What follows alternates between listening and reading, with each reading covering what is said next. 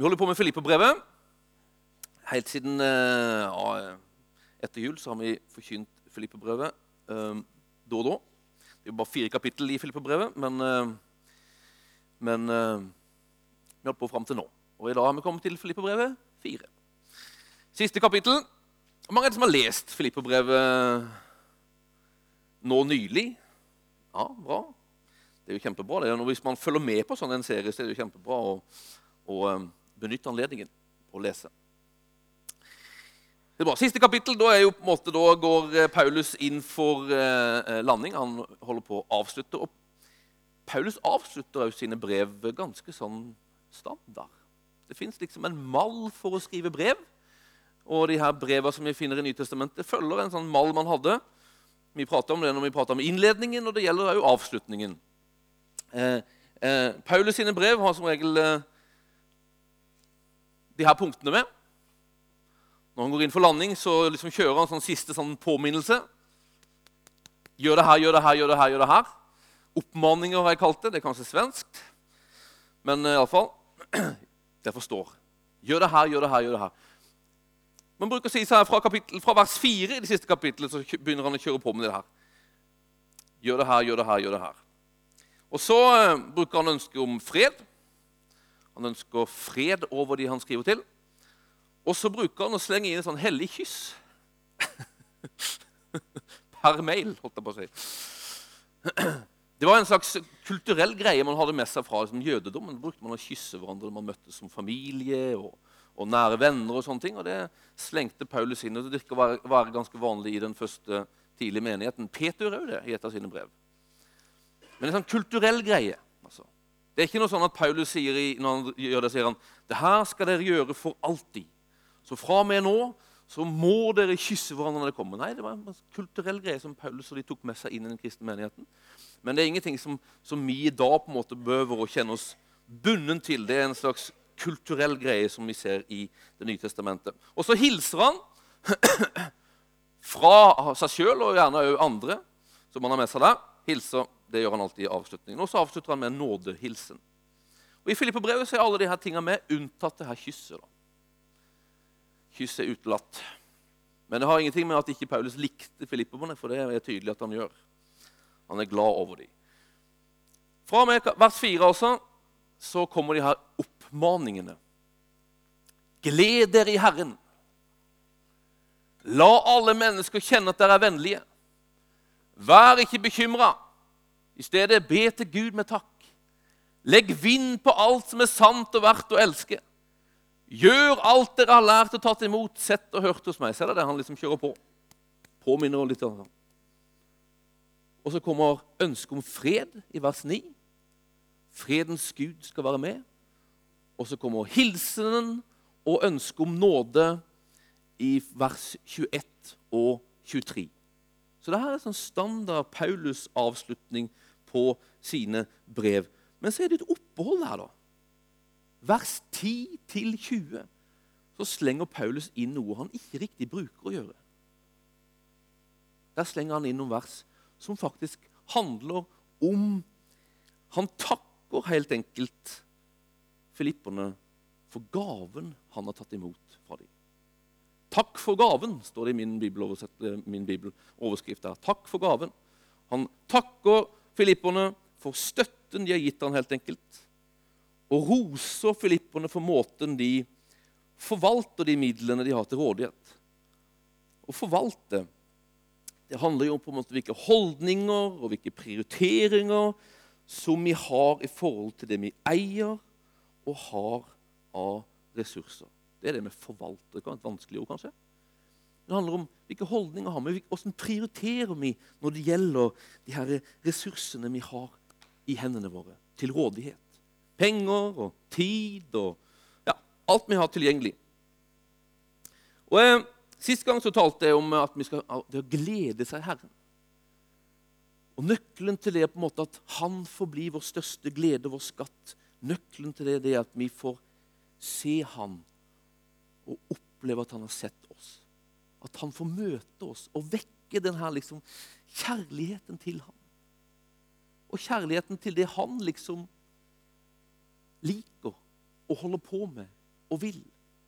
Før det, i kapittel 2, så prata, så prata vi om at, om at det, her, det her å ha hjerte for andre enn oss sjøl. Det å sette andre høyere enn seg sjøl. Jeg tror det er et resultat av at han får møte oss og se oss om vi opplever oss elska av han. At han får bli skatten i livet vårt. Da begynner vi å se andre rundt oss og faktisk sette andre høyere enn oss sjøl. Så det er her Paulus holder på å prate om. Og nå sier han så her Det er naturlig på en måte å forholde seg til det du eier, penger og tid og alt sånt der. Når du på en måte har din største glede i Gud og din største glede i, i å sette andre høyere enn deg sjøl. Det ser ut på en viss måte. Da bruker du på en måte, da forvalter du ressursene dine på en viss måte. Og Paulus i de her versene, han peker på tre måter som han tenker det her er godt forvalterskap. Det her er sånn på en måte som jeg ønsker dere filippere, og som jeg ser hos dere filippere, som jeg vil rose dere for filippere, det er at dere bruker de ressursene dere har. Han sier det er ikke alltid dere har så mye, men når dere har muligheter, når dere har noe, så, så, så gjør dere, så bruker dere på en måte eh, ressursene deres på en sånn måte at han får ha førsteplassen i livet deres. Han får bli gleden deres. Han får bli den dere er opptatt av. Og så prater han om å forvalte livet sånn at livet våre, det vi har, ressursene våre, virkelig får betydelse.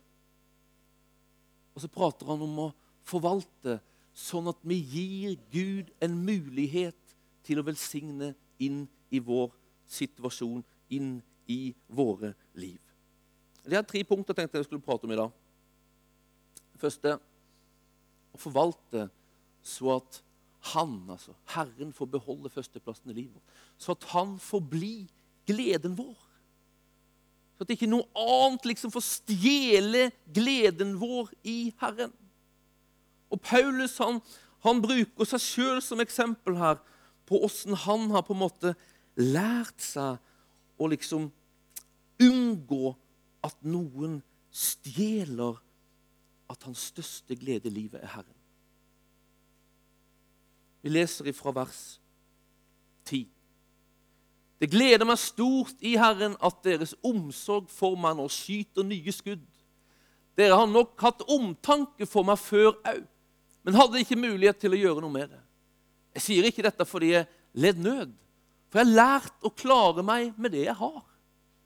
Jeg vet hva det er jeg har det trangt, og jeg vet hva det er jeg har overflod. I alt og i alle ting er jeg innvia. Å være mett og å være sulten, og ha overflod og lide nød. Alt makter jeg i Han som gjør meg sterk, sier Paulus. Han har på en måte lært seg, Paulus, at i alle omstendigheter, når det gjelder på en måte økonomiske situasjoner, så er han fornøyd. Så har han gleden sin. Du vet, det her er en sånn utrolig vi jo det med, Han prata om det i kapittel 3, Paulus, at det, har, det å ha gleden sin i Herren det var på en måte det som var greia. Og trusselen mot det det var på en måte å ha gleden sin i de ytre tinga. Ytre ting som karriere, jobb, det du eier, at det blir den største gleden. Og jeg må si, Det tror jeg er en stor, stor trussel for oss. altså. En stor trussel for oss. Åssen på en måte Paulus han, han liksom har klart det her, har lært seg til det her. Å holde seg på plassen der Herren er gleden og skatten i livet. Der han får hovedfokuset vårt. Det er så lett, det her. Og det faren er like stor egentlig Enten at du lider brist. Hvis du lider brist i livet, så er det fryktelig lett at det får ta over all tid, kraft og oppmerksomhet. Ofte i form av bekymring. Den andre faren er at du faktisk har masse. Overflod. Vet du hva? Det fins en makt i det å ha overflod som vil stjele hele ditt liv og hele din oppmerksomhet. Mye vil ha mer, bruker man å si. Og det er veldig sant, altså. Jeg vet ikke hva det er. Jeg har gått en sånn lang liksom, strekning fra, fra, å være urfattig student til å være søkkrik pastor. Men jeg merker det at når jeg var der, så hadde jeg en, en, en, en, en gnagende følelse Og jeg ønska at jeg hadde litt mer. Men når jeg er her, så er faktisk den følelsen der fortsatt. Jeg skulle ønske hadde mer. Hvordan kan vi få mer? Og, og liksom, det, så ser man liksom det, det, liksom det er på et annet nivå. Her kunne jeg ønske på en måte jeg hadde, hadde biff til middag, og, og, her kunne jeg ønske jeg hadde liksom ny bil. Men følelsen og makten er den samme. Den vil stjele oss ut fra den plassen der vi faktisk, som Paul skriver, er fornøyd. Jeg har nok. Jeg vil holde på med annet. Fokusere på annet. Jeg vil være tilfreds med det jeg har, sånn at ikke det eller det får dra meg ut i det at Herren er min glede og min skatt. Du vet, Det er det Herren er ute etter. Det er det han er ute etter når det gjelder vårt det med hvordan bruker vi våre ressurser. Bruk de sånn at du fortsatt har skatten din i Gud. Så at hjertet ditt blir der, og ikke dras inn i noe annet. Jesus han sier det her i Matteus 6, 21, sier han. For der skatten din er, vil òg hjertet ditt være. Skatten vår det er tida vår, kraften vår, ressursene våre. Du vet, Ressursene våre, pengene våre, det er på en måte en slags innveksla liv. Altså Det er resultatet av at du har brukt på en måte tida di, kraften din, ressursene, det kjæreste du har skatten vår ligger ofte der. Altså. Livet vårt. Plasser, sier Jesus, skatten din, ressursene dine, livet ditt, sånn at hjertet ditt havner rett. For der du legger din skatt, der havner ditt hjerte. Sier det Jesus? Sier det Jesus? Paulus roser filipperne for de har lagt skatten sin der hjertet skal være hos Gud. Hos Gud. Ikke i ytre ting, ikke i det materielle først og fremst, men hos Han. Dette utfordrer oss. Dette utfordrer meg. Jeg har sagt det her tidligere. når Sandra kom hit, så, så var det som at vi opplevde at vi kom fra et sted på en måte der det var en veldig på en måte, kultur i det å tjene Gud og satse inn i Hans rike. Og, og mener, Det kan gå til overdrift, det òg. Jeg tenker kanskje at av og til gikk det til litt overdrift. Men når vi kom hit, så opplevde vi at det var et mye mer større jag og press på at vi skulle ha hus og bil, helst to, hytte på fjellet og hytte ved havet og båt og campingvogn og campingbil. Og Det er ikke noe galt i det, men vi kjente det fins et press her. Altså. Et press rundt det materiellet som ikke vi faktisk er vant til. Det utfordrer meg. Og jeg tenker stadig at jeg kjenner at jeg er blitt dratt inn i det her jaget litt mer kanskje av og til enn jeg liker. Når, var, når vi var nygift, så, så levde vi på 16 000 kroner hver måned. Nei, Det var ikke sånn at det var noe sånn kjempeartig. Vi klarte oss. Hendte vi måtte låne noen hundrelapper til knekkebrød før vi fikk klart Men det gikk, altså. Det gikk. Men det var andre ting som var viktigere. altså. Det var, vi var, for, for vi var, vi var en del av en kultur der det handler om å, om å gi tida si til, til, til, til Gud. Altså. Tjene Han. Det var helt normalt der vi kom fra, å legge en dag i uka i menigheten. Frivillig. Det var helt normalt å, å gi, liksom, eh, gi fast. Vi praktiserte det vi kaller tiende. Helt noe annet. Og vi gikk inn i det der. Og vi kjente på det. Jeg kunne ønske vi hadde mer. Og jeg husker når vi var ferdig, det var, var vi studenter begge to.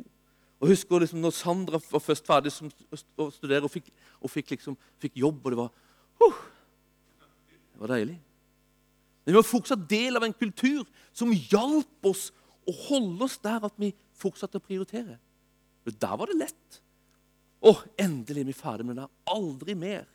Og jeg kan liksom kjenne på det. Aldri mer så langt ned. For det kan bli en overdrift, det også. Vi skal ikke legge noen prestisje av minst mulig. Det handler ikke om det. Men det handler om å plassere hjertet sitt, så ikke noe får ta det, stjele det. Det å våge på en måte å gå litt motstrøms, det å våge å være litt annerledes. Det å våge på en måte å faktisk jobbe litt mindre.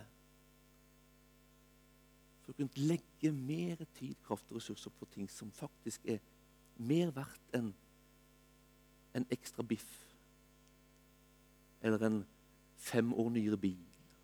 Det utfordrer meg. altså. Det utfordrer meg. Vet, jeg husker jeg spurte pastoren min der henne, hvor stor del av menigheten gir tiende. Han hadde ikke liksom fullstendig kontroll, men han regnet med 80% av menigheten gir tiende. Det er ganske mye, altså. Det er ganske mye. Det koster på, men jeg tror at det er noe som får oss til å beholde hjertet hos Han. Hos Han. Du vet, Hvis vi på en måte skal unngå å havne der at hjertet vårt fanges i det materielle, de ytre tinga Jeg tror faktisk at det kan være en slags forutsetning nesten for å beholde det herre at Herren er først og dyrbarest og skatten i vårt liv, så tror jeg det å gi, det å være en giver, det å sette andre foran seg sjøl, det er en slags nøkler. altså.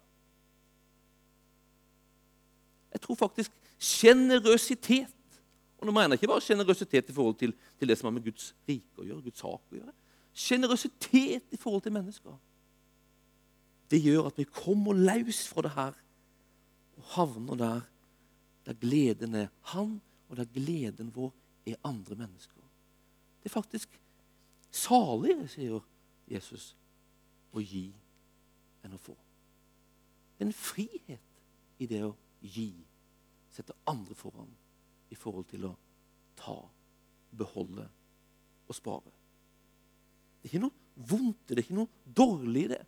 Og det kan overdrives alle deler. Men jeg opplever at i Norge, i liksom tida vår, så er det en fare på en måte at vi havner i det her riket der vi har så masse. Og så er spørsmålet behøver vi virkelig alt det vi har. Eller behøver vi mer enn det vi har? Eller er det andre ting vi skal liksom plassere skattene våre i? Som i det lange løp har en større verdi enn å legge det på sjøl.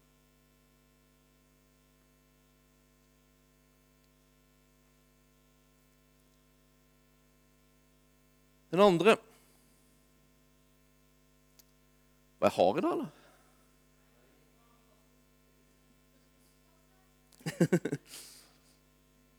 Det andre Paulus sier til filipperne, roser de for, det er at de forvalter på den måten de forvalter sitt liv. Det er å gi en gave, det er å gi inn av det de har.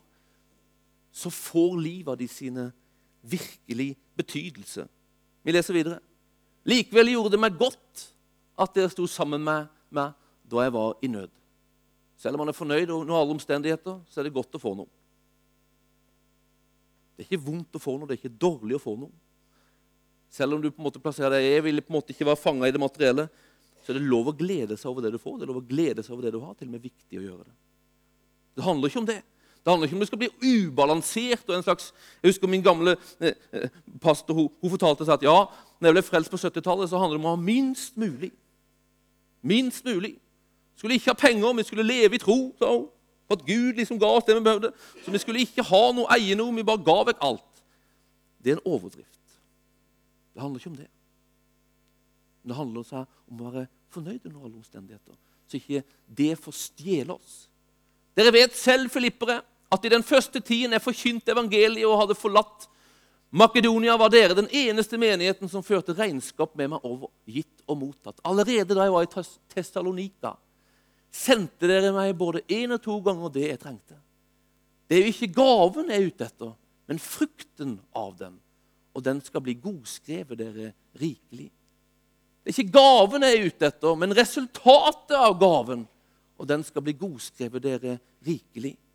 Det dere gir, sier Paulus, det skal få bli til noe. Det skal få gi resultater som skal bli godskrevet dere. Livet deres dere skal få bety noe ved den gaven dere gir. Og vet du hva? Det vi gir, kan få bety så utrolig mye. Og jeg tror ofte at det ikke alltid liksom er, er liksom ut ifra hvor mye du gir. Det er ikke alltid det det handler om, hvor mye du gir. Du vet, Vi kan gi lite som får enormt mye betydelse. Når vi var der og hadde 16 000 kroner å leve for, vi hadde ikke store ting vi kunne gi. Men vi kunne gi noe som fikk bety store ting. Vet, vi har Helt siden helt siden jeg traff Sandra, så har vi vært fadder. faddere. Vi har hatt et barn på Filippinene. Nå har vi forresten nummer to. Et barn som vi støtter hver måned med en liten sum penger. Altså. 200 kroner betaler vi nå. Den gangen betalte vi 150 kroner. 150 kroner til den lille jenta sikra hun mat, husrom, utdannelse. Vi fulgte henne i 10, nesten 15 år, til vår sum i måneden, 150 kroner, hadde ført henne gjennom skolen, inn i en utdannelse, til et punkt der hun kunne forsørge seg sjøl. 150 kroner. Nå betaler vi 200 kroner til barn nummer to for at det barnet skal gå gjennom samme prosessen. Det er ikke mye. Koster oss veldig lite, men har en enorm betydelse. Altså. Det handler ikke alltid om mengden. Noen kan gi mye. Og noen behøver faktisk å gi mye for å komme seg ut av det her liksom, fangenskapet her og inn der der man faktisk er, har gleden i noe annet. Men det handler ikke om det. Du kan òg her gi lite som kan få enorm betydelse. Altså. Det handler om forvalterskap. Jeg hørte en historie det handler om forvalterskap. I vår, vår, situasjon handler det på en måte om å, om helt enkelt å føre et, et, et, barn gjennom livet og inn i en situasjon der hun kunne overleve og klare seg sjøl. Men en liten ting kan ha en enorm betydelse faktisk for, for Guds rike.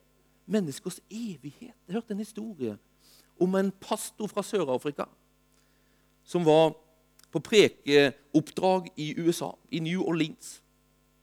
Og En kveld når han var der, så var han på matbutikken og, eh, og sto i kassa der han skulle bare ha noen få ting. Foran seg i kassa så, så han en pappa, en mamma og et lite barn som hadde lagt noen ting på kassa. Når de skulle betale, så oppdager så ser de at ja, de kan ikke betale. Det kortet liksom protesterer.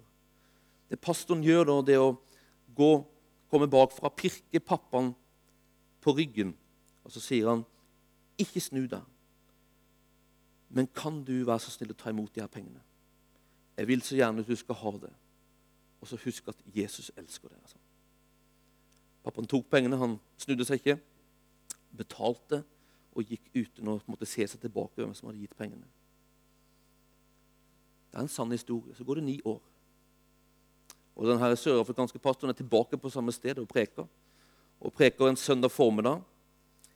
Og etter at han har forkynt, så kommer det fram en mann til han og så sier du, jeg vil at du skal få høre det, det jeg sier nå. Du må høre på meg. Du må høre åssen jeg kom til tro. For ni år siden så hadde jeg og min familie det så tøft. Alt håp var ute. Vi hadde mista jobben. Vi bodde i bilen vår.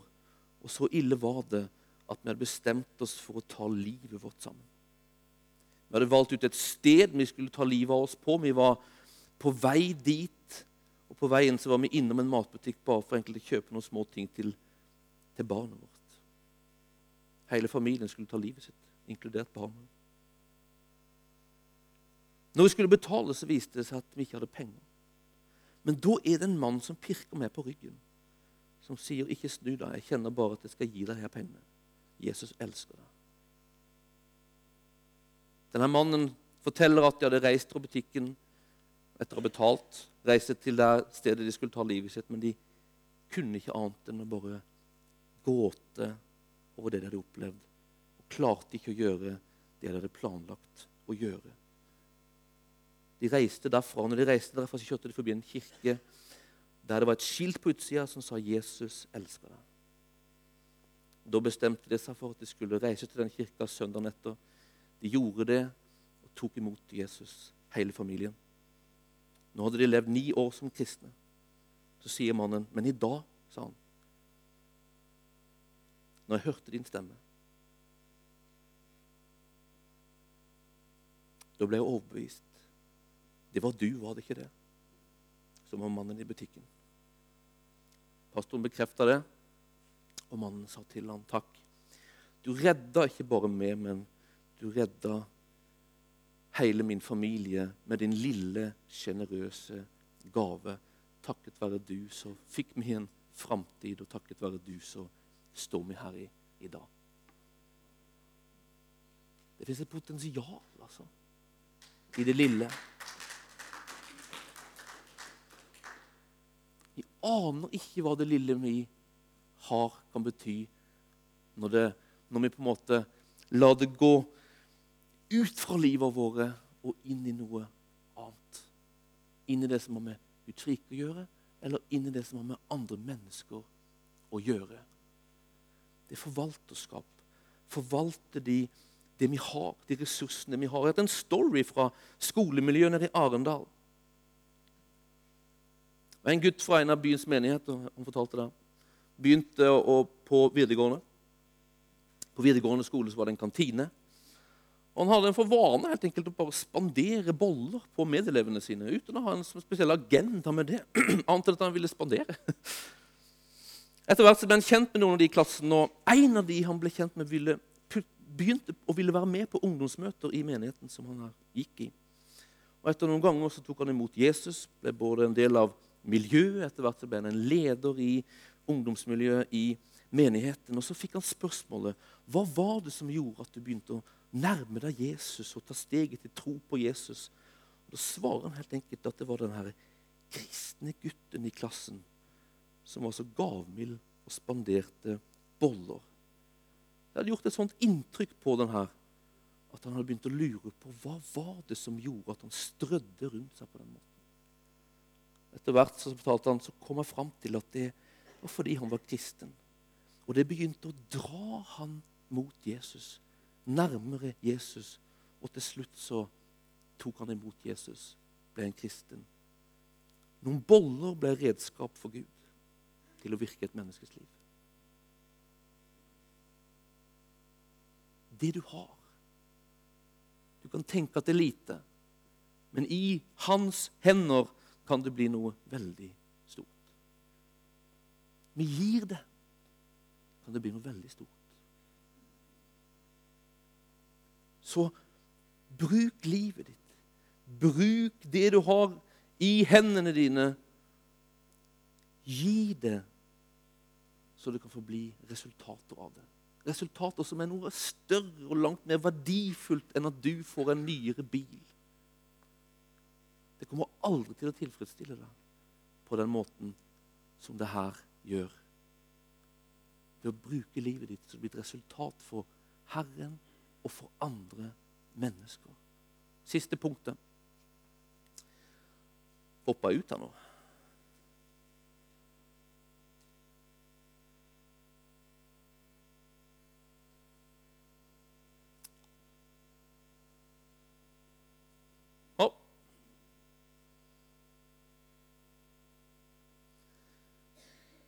Siste punktet. Forvalt livet ditt sånn at det gir Gud mulighet til å velsigne inn i vår situasjon.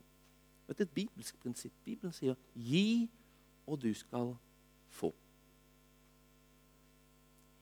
Et bilde er egentlig veldig enkelt. Bildet er at Gud kan velsigne en hånd som er åpen. Det er fryktelig vanskelig å velsigne en hånd som er lukka. En givende hånd er åpen sånn at Gud kan få velsigne. mangedoble, gjøre noe med det. Både inn i andres liv, men også tilbake igjen i ditt liv. Han ønsker å gjøre det. Og Det er som at han er avhengig av vår giverglede for å kunne velsigne oss som han vil. Vet du, når vi levde, Du kan lese versene. Med dette bekrefter jeg at alt er mottatt, og at jeg nå har nok. Jeg har mer enn nok nå når Epafroditus er kommet med sendingen fra dere. Den var som en god duft, et offer Gud tar imot med glede. Så skal min Gud, som er så rik på herlighet i Kristus Jesus, gi dere alt dere trenger. Gi dere alt dere trenger. Når vi levde her på 16 000 kroner i måneden, så fant vi ut vi skulle gifte oss. Og Jeg har vært gift før, så jeg kunne på en måte ikke forvente at mine foreldre skulle liksom bare prøyse hele bryllupet. Det var der på en måte vi, vi var på en måte innforstått med at vi behøvde å betale bryllupet vårt sjøl. Vi hadde 16 000 kroner å leve for. Halvparten til leie, og resten skulle vi gjøre det på. Vi var en del av en kultur der vi ga. Vi ga tiende.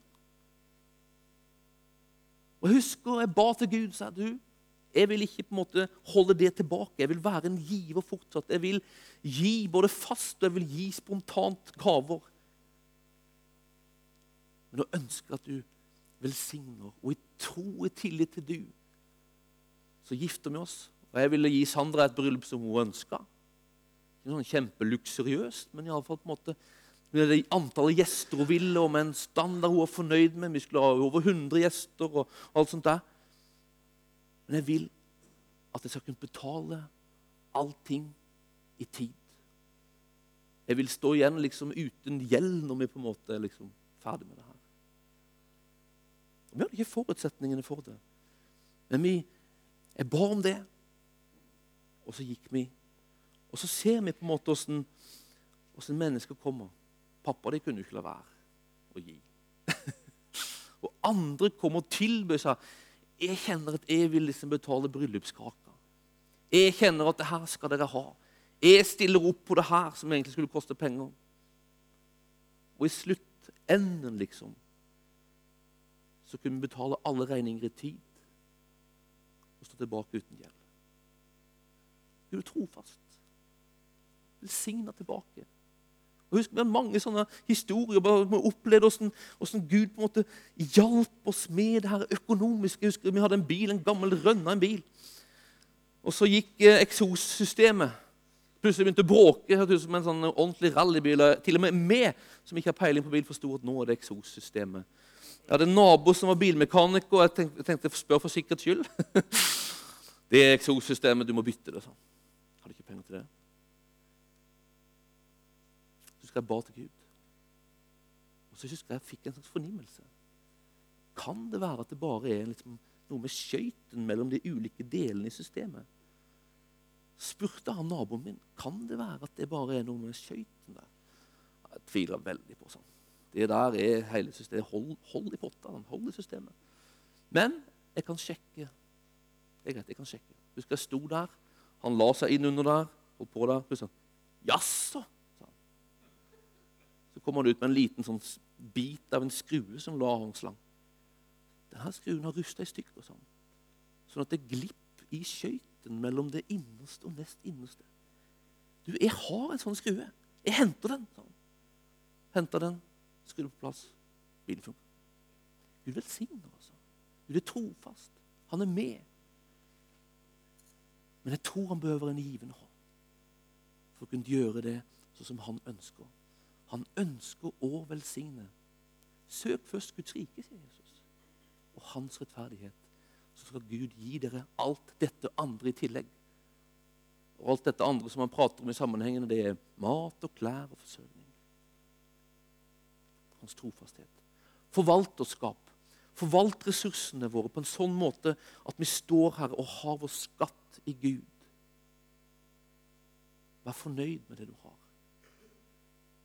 Sett han høyere og andre høyere enn at du skal ha en stor haug.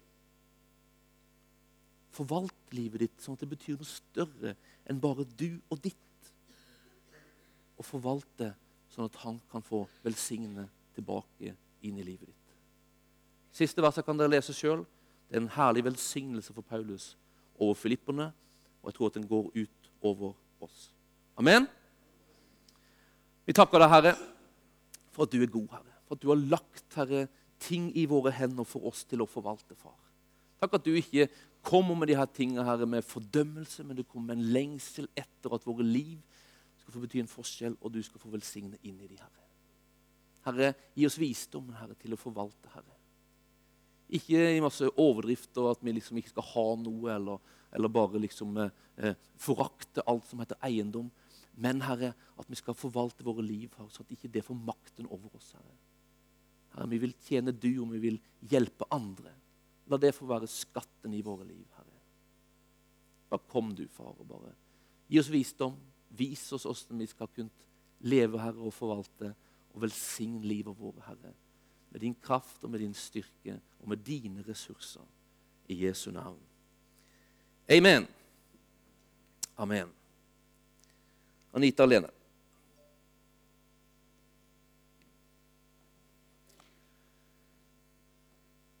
Jeg tror vi skal gjøre sånn helt enkelt, at vi bare vi bruker litt tid her i lovsang og tilbedelse. Og så kan du jo på en måte ransake det. Det er et sånt budskap man kan ransake livet sitt. liksom. Hvordan står det til? på en måte? Hvem er på en måte herren i livet mitt? Har liksom det materielle for stor makt? Fins det grep jeg kan ta? Det er kanskje ikke på en måte ting heller som du bare liksom kan gjøre liksom konkrete grep her og nå, men kanskje Gud viser deg ting. Kanskje ting du skal ta opp med ektefellen din, eller grep man kan ta. Jeg er så fornøyd denne uka, for jeg, er kjent på denne på en måte, liksom, fristelsen. Altså. Or, var, Sandra har på en måte gått ned i tid og jobber mindre tid. Jeg tenker, å, det var deilig om hun kunne jobbe fulltid. så lyktes vi i det å stå fast på at hun skal jobbe litt mindre. Og bruke tid og ressurser på noe som er langt mer verdt i det lange løpet.